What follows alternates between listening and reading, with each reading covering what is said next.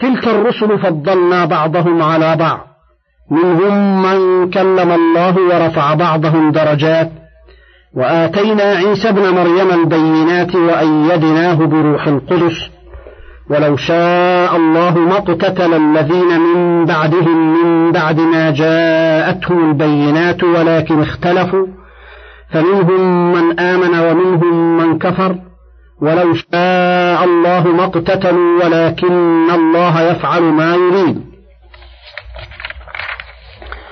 يخبر تعالى أنه فضل بعض الرسل على بعض كما قال تعالى ولقد فضلنا بعض النبيين على بعض وآتينا داود زبورا وقال ها هنا تلك الرسل فضلنا بعضهم على بعض منهم من كلم الله يعني موسى ومحمدا صلى الله عليهما وسلم وكذلك آدم كما ورد به الحديث المروي في صحيح ابن حبان عن أبي ذر رضي الله عنه. ورفع بعضهم درجات كما ثبت في حديث الإسراء حين رأى النبي صلى الله عليه وسلم الأنبياء في السماوات بحسب تفاوت منازلهم عند الله عز وجل. فإن قيل فما الجمع بين هذه الآية وبين الحديث الثابت في الصحيحين عن أبي هريرة قال استب رجل من المسلمين ورجل من اليهود فقال اليهودي في قسم يقسمه لا والذي اصطفى موسى على العالمين. فرفع المسلم يده فلطم بها وجه اليهودي فقال أي خبيث وعلى محمد صلى الله عليه وسلم. فجاء اليهودي إلى النبي صلى الله عليه وسلم فاشتكى على المسلم فقال رسول الله صلى الله عليه وسلم لا تفضلوني على الأنبياء فإن الناس يصعقون يوم القيامة. فأكون أول من يفيق فأجد موسى باطشا بقائمة العرش فلا أدري أفاق قبلي أم جوزي بصعقة الطور فلا تفضلوني على الأنبياء. وفي رواية لا تفضلوا بين الأنبياء فالجواب من وجوه أحدها أن هذا كان قبل أن يعلم بالتفضيل وفي هذا نظر.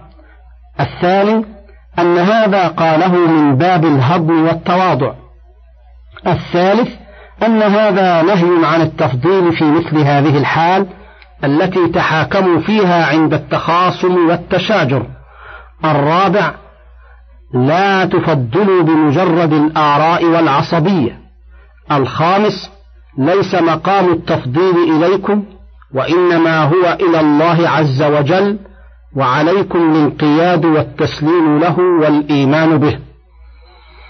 وقوله وآتينا عيسى ابن مريم البينات أي الحجج والدلائل القاطعات على صحة ما جاء بني إسرائيل به من أنه عبد الله ورسوله إليهم وأيدناه بروح القدس يعني أن الله أيده بجبريل عليه السلام ثم قال تعالى ولو شاء الله ما اقتتل الذين من بعدهم من بعد ما جاءتهم البينات ولكن اختلفوا فمنهم من آمن ومنهم من كفر ولو شاء الله ما اقتتلوا أي كل ذلك عن قضاء الله وقدره ولهذا قالوا ولكن الله يفعل ما يريد.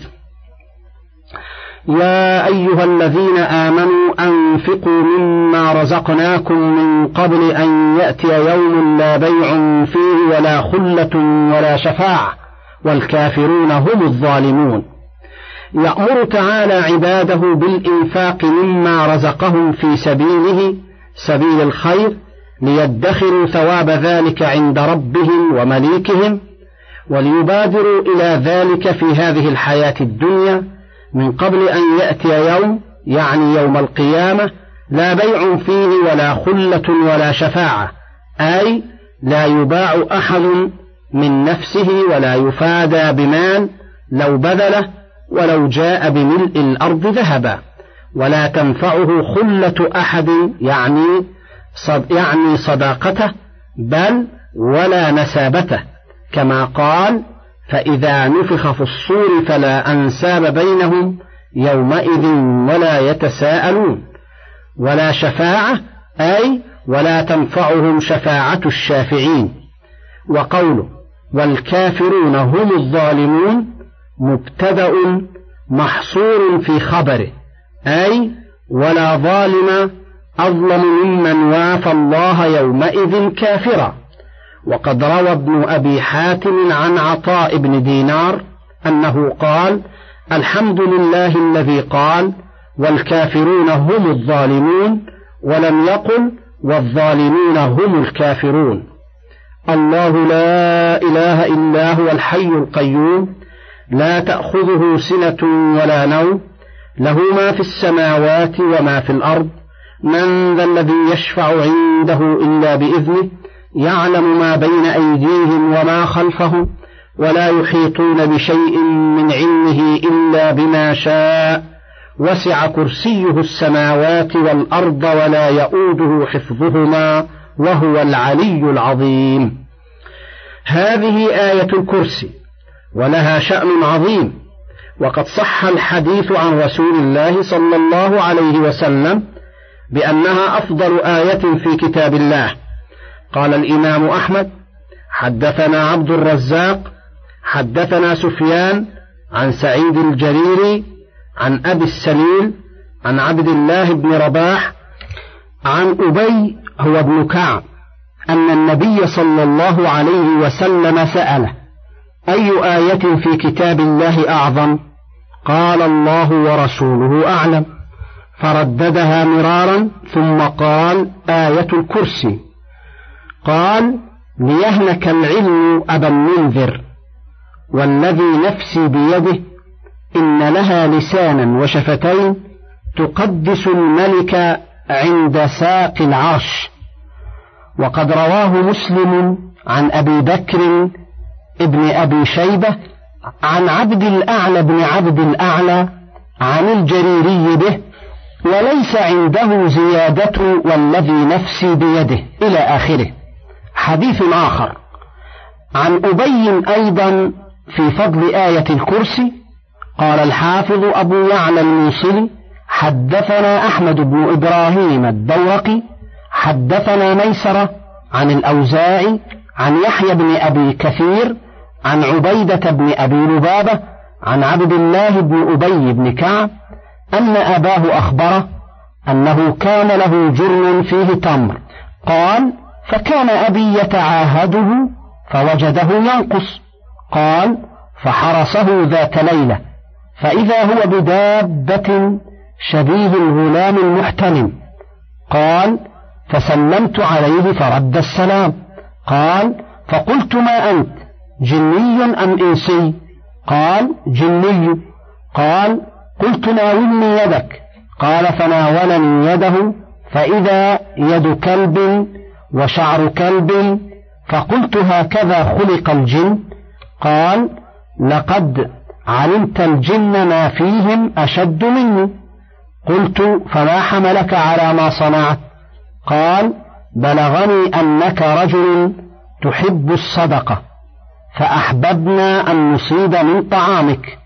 قال فقال له أبي فما الذي يجيرنا منكم؟ قال هذه الآية آية الكرسي. ثم غدا إلى النبي صلى الله عليه وسلم فأخبره فقال النبي صلى الله عليه وسلم صدق الخبيث وهكذا رواه الحاكم في مستدركه من حديث أبي داود الطيالسي عن حرب بن شداد عن يحيى بن أبي كثير عن حضرمي بن لاحق عن محمد بن عمرو بن أبي بن كعب عن جده به.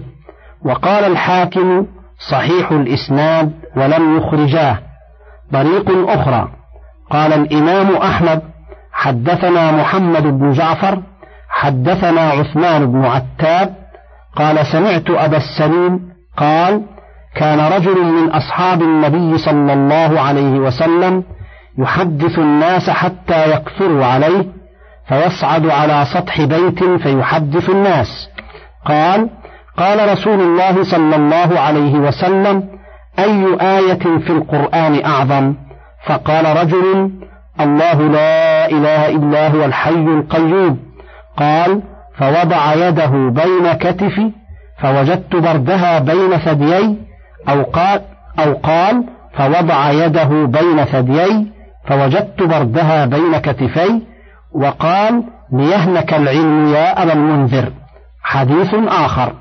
عن الأصقع البقري قال الحافظ أبو القاسم الطبراني حدثنا أبو يزيد القراطيسي حدثنا يعقوب بن أبي عباد المكي حدثنا مسلم بن خالد عن ابن جريج أخبرني عمر بن عطاء أن مولى ابن الأصقع رجل صدق أخبره عن الأصقع البكري أنه سمعه يقول إن النبي صلى الله عليه وسلم جاءهم في صفة المهاجرين فسأله إنسان أي آية في القرآن أعظم؟ فقال النبي صلى الله عليه وسلم الله لا إله إلا هو الحي القيوم لا تأخذه سنة ولا نوم حتى انقضت الآية. حديث آخر عن أنس قال الإمام أحمد حدثنا عبد الله بن الحارث حدثني سلمة بن وردان أن أنس بن مالك حدثه أن رسول الله صلى الله عليه وسلم سأل رجلا من صحابته فقال: أي فلان؟ هل تزوجت؟ قال لا وليس عندي ما أتزوج به. قال أوليس معك قل هو الله أحد؟ قال بلى. قال ربع القرآن. قال أليس معك؟ قل يا أيها الكافرون. قال بلى. قال ربع القرآن. قال أليس معك إذا زلزلت؟ قال بلى. قال ربع القرآن. قال أليس معك إذا جاء نصر الله؟ قال بلى. قال ربع القرآن. قال أليس معك آية الكرسي؟ الله لا إله إلا هو. قال بلى. قال ربع القرآن. حديث آخر. عن أبي ذر جندب بن جنادة قال الإمام أحمد. حدثنا وكيع بن الجراح حدثنا المسعودي أنبأني أبو عمر الدمشقي عن عبيد بن الخشخاش عن أبي ذر رضي الله عنه قال أتيت النبي صلى الله عليه وسلم وهو في المسجد فجلست فقال يا أبا ذر هل صليت؟ قلت لا. قال قم فصلي. قال فقمت فصليت ثم جلست. فقال يا أبا ذر تعوذ بالله من شر شياطين الإنس والجن. قال قلت يا رسول الله أول الإنس شياطين؟ قال نعم. قال قلت يا رسول الله الصلاة. قال خير موضوع من شاء أقل ومن شاء أكثر. قال قلت يا رسول الله فالصوم. قال فرض مجزي وعند الله مزيد. قلت يا رسول الله فالصدقة. قال أضعاف مضاعفة. قلت يا رسول الله فأيها أفضل؟ قال جهد من مقل أوسر إلى فقير. قلت يا رسول الله أي الأنبياء كان أول؟ قال آدم. قلت يا رسول الله ونبي كان؟ قال نعم نبي مكلم. قلت يا رسول الله كم المرسلون؟ قال ثلاثمائة وبضعة عشر جما غفيرا وقال مرة وخمسة عشر. قلت يا رسول الله أين أنزل عليك أعظم؟ قال آية الكرسي الله لا إله إلا هو الحي القيوم ورواه النسائي. حديث آخر.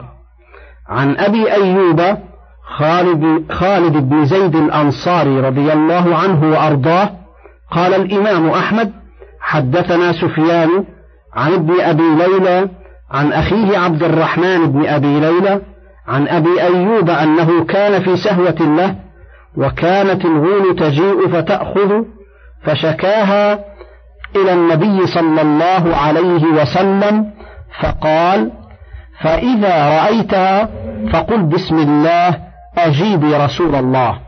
قال فجاءت فقال لها فأخذها فقالت إني لا أعود فأرسلها. فجاء فقال له النبي صلى الله عليه وسلم ما فعل أسيرك؟ قال أخذتها فقالت إني لا أعود فأرسلتها. فقال إنها عائدة. فأخذتها مرتين أو ثلاثا كل ذلك تقول لا أعود. وأجيء إلى النبي صلى الله عليه وسلم فيقول ما فعل أسيرك فأقول أخذتها فتقول لا أعود فيقول إنها عائدة فأخذتها فقالت أرسلني وأعلمك شيئا تقوله فلا يقربك شيء. آية الكرسي فأتى النبي صلى الله عليه وسلم فأخبره فقال صدقت وهي كذوب ورواه الترمذي في فضائل القرآن عن بندار عن أبي أحمد الزبير به وقال حسن غريب والغول في لغة العرب الجان إذا تبدى في الليل. وقد ذكر البخاري هذه القصة عن أبي هريرة فقال في كتاب فضائل القرآن وفي كتاب الوكالة وفي صفة إبليس من صحيحه قال عثمان بن الهيثم أبو عمرو حدثنا عوف عن محمد بن سيرين عن أبي هريرة قال وكلني رسول الله صلى الله عليه وسلم بحفظ زكاة رمضان فأتاني آت فجعل يحثو من الطعام فأخذته وقلت لأرفعنك إلى رسول الله صلى الله عليه وسلم قال دعني فإني محتاج وعلي عيال ولي حاجة شديدة. قال فخليت عنه فأصبحت. فقال النبي صلى الله عليه وسلم يا أبا هريرة ما فعل أسيرك البارحة؟ قال قلت يا رسول الله شكى حاجة شديدة وعيالا فرحمته وخليت سبيله. قال أما إنه قد كذبك وسيعود. فعرفت أنه سيعود لقول رسول الله صلى الله عليه وسلم إنه سيعود. فرصدته فجاء يحثو من الطعام. فأخذته فقلت لأرفعنك إلى رسول الله صلى الله عليه وسلم. قال دعني فإني محتاج وعلي عيال لا أعود. فرحمته وخليت سبيله. فأصبحت فقال لي رسول الله صلى الله عليه وسلم يا أبا هريرة ما فعل أسيرك البارحة؟ قلت يا رسول الله شكى حاجة وعيالا فرحمته فخليت سبيله قال أما إنه قد كذبك وسيعود. فرصدته الثالثة فجاء يحثو من الطعام فأخذته فقلت لأرفعنك إلى رسول الله صلى الله عليه وسلم وهذا آخر ثلاث مرات أنك تزعم أنك لا تعود ثم تعود. فقال دعني أعلمك كلمات ينفعك الله بها. قلت وما هي؟ قال إذا آويت إلى فراشك فاقرأ آية الكرسي.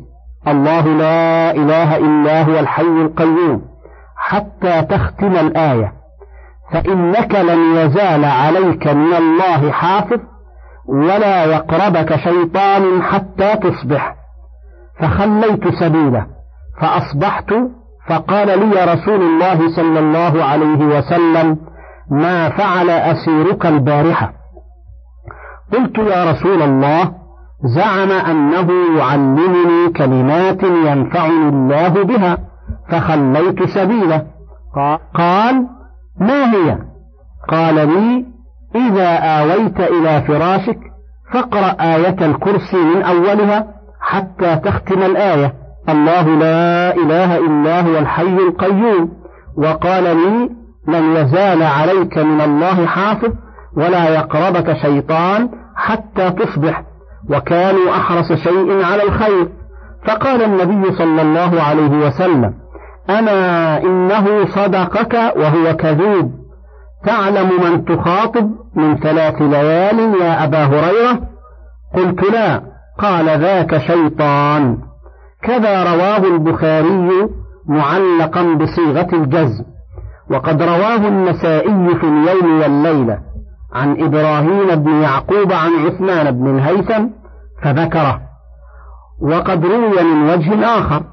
عن أبي هريرة بسياق آخر قريب من هذا فقال الحافظ أبو بكر ابن مردويه في تفسيره حدثنا محمد بن عبد الله ابن عمرويه الصفار حدثنا أحمد بن زهير بن حرب أنبأنا مسلم بن إبراهيم أنبأنا إسماعيل بن مسلم العبدي أنبأنا أبو المتوكل الناجي أن أبا هريرة كان معه مفتاح بيت الصدقة وكان فيه تمر فذهب يوما ففتح الباب فوجد التمر قد أخذ منه ملء كف ودخل يوما آخر فإذا قد أخذ منه ملء كف ثم دخل يوما آخر ثالثا فإذا قد أخذ منه مثل ذلك.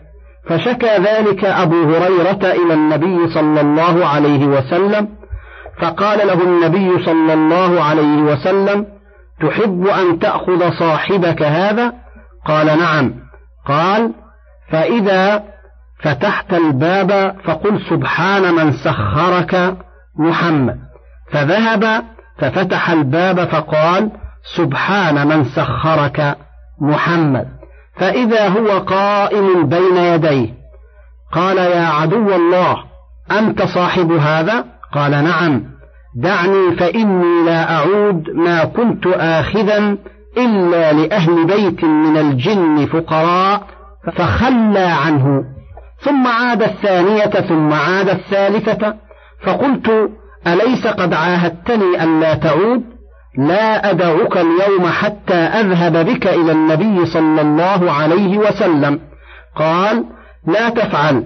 فإنك إن تدعني علمتك كلمات إذا أنت قلتها لم يقربك أحد من الجن صغير ولا كبير ذكر ولا أنثى. قال له لتفعلن. قال نعم. قال ما هن؟ قال الله لا إله إلا هو الحي القيوم. قرأ آية الكرسي حتى ختمها فتركه فذهب فلم يعد. فذكر ذلك أبو هريرة للنبي صلى الله عليه وسلم فقال له رسول الله صلى الله عليه وسلم أما علمت أن ذلك كذلك؟ وقد رواه النسائي عن أحمد بن محمد بن عبيد الله عن شعيب بن حرب عن إسماعيل بن مسلم عن أبي المتوكل عن أبي هريرة به وقد تقدم لأبي بن كعب كائنة مثل هذه أيضا فهذه ثلاث وقائع. قصة أخرى. قال أبو عبيد في كتاب الغريب حدثنا أبو معاوية عن أبي عاصم الثقفي عن الشعبي عن عبد الله بن مسعود قال خرج رجل من الإنس فلقيه رجل من الجن فقال هل لك أن تصارعني؟ فإن صرعتني علمتك آية إذا قرأتها حين تدخل بيتك لم يدخله شيطان فصارعه فصرعه. فقال إني أراك ضئيلا شخيتا كأن ذراعيك ذراعا كلب. أفهكذا أنتم أيها الجن كلكم أم أنت من بينهم؟ فقال إني بينهم لضريع. فعاودني. فصارعه فصرعه الإنسي. فقال تقرأ آية الكرسي فإنه لا يقرأها أحد إذا دخل بيته إلا خرج الشيطان وله خيخ كخيخ الحمار. فقيل لابن مسعود أهو عمر؟ فقال من عسى أن يكون إلا عمر. قال أبو عبيد الضئيل النحيف الجسم. والخيخ بالخاء المعجمة ويقال بالحاء المهملة الضراط. حديث آخر. عن أبي هريرة قال الحاكم أبو عبد الله في مستدركه حدثنا علي بن حشاد حدثنا بشر بن موسى حدثنا الحميدي حدثنا سفيان حدثني حكيم بن جبير الأسدي عن أبي صالح عن أبي هريرة أن رسول الله صلى الله عليه وسلم قال سورة البقرة فيها آية سيدة آي القرآن لا تقرأ في بيت فيه شيطان إلا خرج منه. آية الكرسي. وكذا رواه من طريق آخر عن زائدة عن حكيم بن جبير ثم قال صحيح الإسناد ولم يخرجاه. كذا قال وقد رواه الترمذي من حديث زائدة ولفظه لكل شيء سنام وسنام القرآن سورة البقرة وفيها آية هي سيدة آي القرآن آية الكرسي.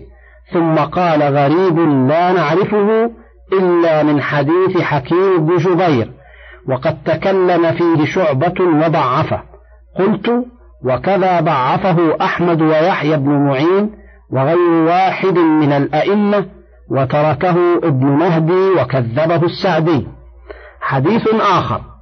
قال ابن مردويه حدثنا عبد الباقي بن نافع أخبرنا عيسى بن محمد المروزي أخبرنا عمر بن محمد البخاري أخبرنا عيسى بن موسى غنجار عن عبد الله بن كيسان حدثنا يحيى أخبرنا يحيى بن عقيل عن يحيى بن يعمر عن ابن عمر عن عمر بن الخطاب أنه خرج ذات يوم إلى الناس وهم سماطات فقال أيكم يخبرني بأعظم آية في القرآن؟ فقال ابن مسعود على الخبير سقط. سمعت رسول الله صلى الله عليه وسلم يقول أعظم آية في القرآن الله لا إله إلا هو الحي القيوم. حديث آخر. في اشتماله على اسم الله الأعظم. قال الإمام أحمد حدثنا محمد بن بكير أنبأنا عبد الله بن أبي زياد حدثنا شهر بن حوشب عن أسماء بنت يزيد بن السكن قالت سمعت رسول الله صلى الله عليه وسلم يقول في هاتين الآيتين الله لا إله إلا هو الحي القيوم وألف لام الله لا إله إلا هو الحي القيوم. إن فيهما اسم الله الأعظم. وكذا رواه أبو داود عن مسدد والترمذي عن علي بن خشرم وابن ماجه عن أبي بكر بن أبي شيبة ثلاثتهم عن عيسى بن يونس عن عبد الله بن أبي زياد به. وقال الترمذي حسن صحيح. حديث آخر.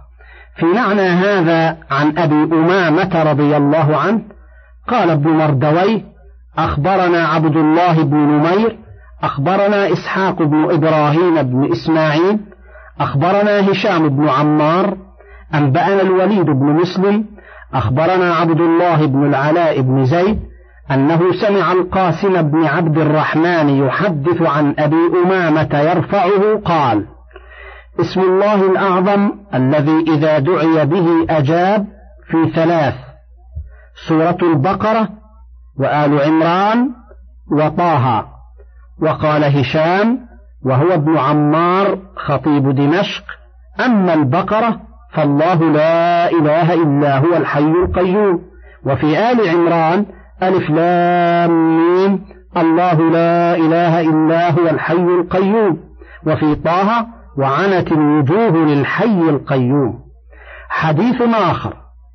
عن أبي أمامة في فضل قراءتها بعد الصلاة المكتوبة قال أبو بكر ابن مردوي حدثنا محمد بن محرز ابن يناور الآدمي أخبرنا جعفر بن محمد بن الحسن أخبرنا الحسن بن بشر بطرسوس أخبرنا محمد بن حمير أخبرنا محمد بن زياد عن أبي أمامة قال قال رسول الله صلى الله عليه وسلم من قرأ دبر كل صلاة مكتوبة آية الكرسي لم يمنعه من دخول الجنة إلا أن يموت. وهكذا رواه النسائي في اليوم والليلة عن الحسن بن بشر به وأخرجه ابن حبان في صحيحه. من حديث محمد بن حمير وهو الحمصي من رجال البخاري أيضا فهو إسناد على شرط البخاري. وقد زعم أبو الفرج بن الجوزي أنه حديث موضوع والله أعلم. من فضلك تابع بقية المادة.